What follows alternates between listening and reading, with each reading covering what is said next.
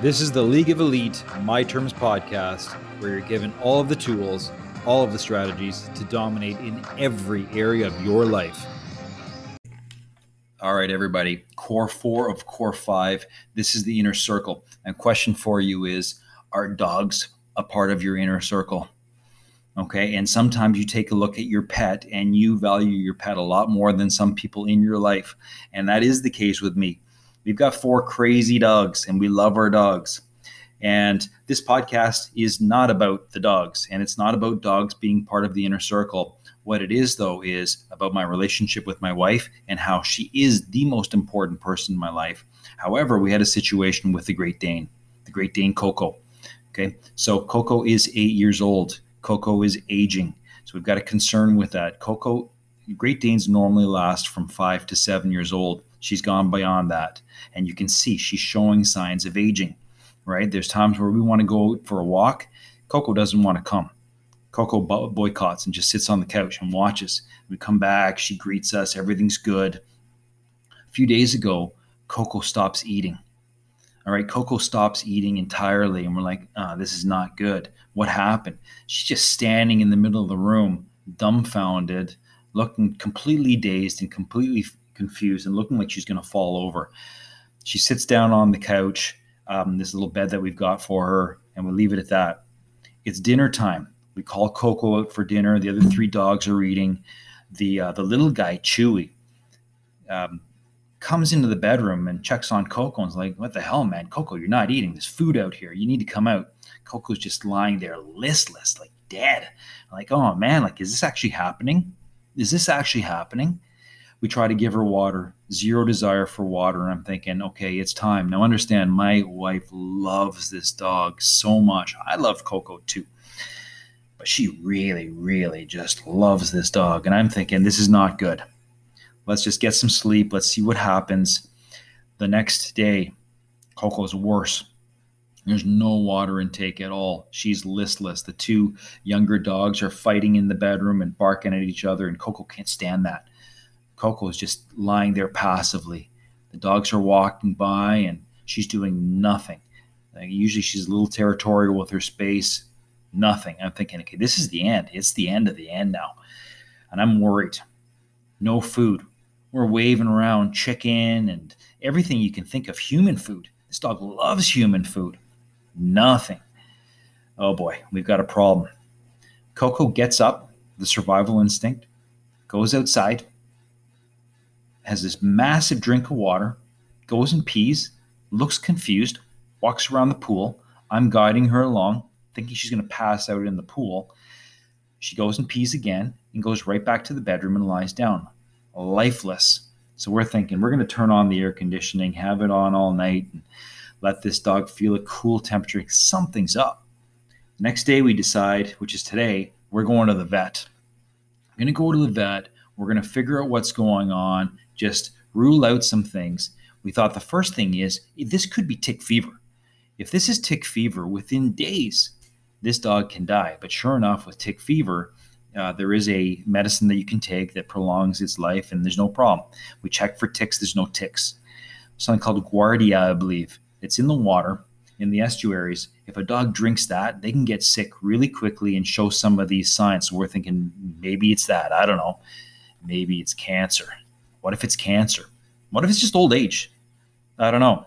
Uh, once we get to the clinic, Coco's looking around, kind of uh, grumbles at a person, looking around at the uh, the stray cats that are uh, in the building, and I'm thinking, okay, things are not too bad. Her tail's still between the legs, still a little disoriented. We do the test, we do the blood work, and we find that uh, blood's pretty normal except there's a slight liver infection. Okay, we can deal with that. The lady says, Can we test for t- tick fever? My wife looks at me. I look at her. Yeah, let's test for tick fever. Nothing. There's no tick fever after 15 minutes. It's a quick test. The lady says, Do you want to check the ultrasound of the liver to see if this dog has cancer? Uh, I look at my wife. I mean, if the dog has cancer, there's nothing we can do about it right? But uh, to go to bed not knowing, I think it's a good idea. I look at her, we do the um, ultrasound, no sign of it. Then we step on the scale. The dog goes from 135 pounds back in August down to 107. We saw the dog thinning out. Again, we attribute it to old age. She's 107. She's pretty bony. Like, oh man, like that's probably what it is.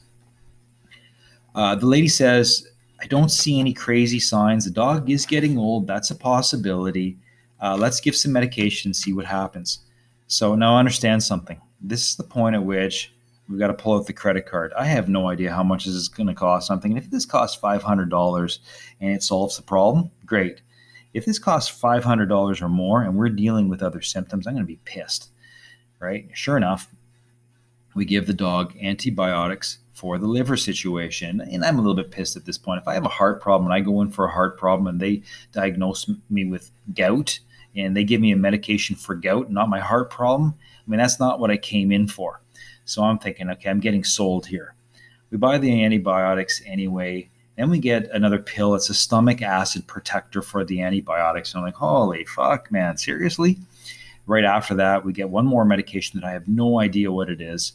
And then a final medication, which is an appetite stimulant. It's a couple pills. You pop it into their mouth, and within a couple hours, it's going to eat. Now, understand something, guys. My dad was in a situation where he had a stroke, and when it was time for him to go, he just said, I don't, I don't want to eat anymore. And at that point, we made the decision with my dad listen, dad, what do you want to do? He says, if I get into a vegetative state, I'm done. Just pull the plug on me. You sure you're okay with that? Yeah, I'm okay with it. And he said his time came and he stopped eating. Okay, so yeah, no problem. I'm not going to treat the animal any differently. If this dog doesn't want to eat after this, it's the dog's time to go because we ruled out every other possibility other than old age. Sure enough, we get the bill. The bill wasn't as bad as I thought it would be, but it still was up there, like 350. I look at my wife. I'm not happy that I got sold a bunch of things. And uh, we put the dog back in the car. Dog comes home. The dog's lying back on the mat. I'm like, oh man, she seems like she's in better spirits. I think we'll be okay. Who knows? We gave the pill immediately. We gave a whole bunch of pills immediately. And sure enough, uh, an hour later, the dog started eating the biscuits. I'm like, yes, all right. And Coco's moving around. Things are looking good. Coco's barking at the other dogs. Coco jumps onto the couch and sits there looking around attentively. I'm like, okay, I think we're going to make this work here. We're going to give her some ground beef or something. We're going to load her up with all of her favorite human foods that she can't stop begging for at the dinner table. But here's my point you need to be on the same page with somebody in your inner circle. I look at my wife and I know how she feels about this dog. All right. And we're on the same page with so many different things, but we haven't talked about this. What do you do when you have a situation where it is the dog's time to go, for example, right? Or my time to go? Like, what's the plan? You got to have these conversations, right? And I don't think it's good enough to be on the same book, in the same book being in the same book means uh, you want a good life, right? Being in the same chapter means you want a good life, and it kind of looks like this you know, big house, fancy car, uh, debt free, couple kids, picket fence, but it goes beyond that. Um, being on the same page means some prior thought, some prior focus on what you want your life to look like, right? So you begin with the end in mind. Well, that's not good enough for me. We want to be on the same sentence. Okay. We want to be on the same word, same letter, even. And in some cases, we are, right? But in this case, we never talked about it. So this is a bone of contention. What do we do? We never talked about this. Stuff like wills. Do you ever, do you even have a will? Do you talk about that kind of stuff? All right, you got to get this shit straight. And if you get this shit straight before you get married, even better, because there might be a deal breaker in there early which saves a lot of time. Or there may be a deal breaker that is discovered halfway through. And then obviously, half the relationships do end in divorce. In this case, we've got it covered. We care about Coco. If it's Coco's time, it's Coco's time. People have much bigger issues. So, my advice to you in your inner circle, with those people who are you're in your immediate circle, have those tough conversations have the line of communication open for even the seemingly small things. All right. It's huge to be talking every single day. Make it a point to talk about issues. With that, that's the end of the podcast.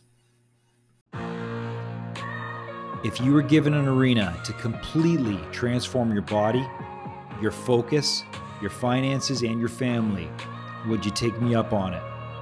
Join the league, leagueofelite.com.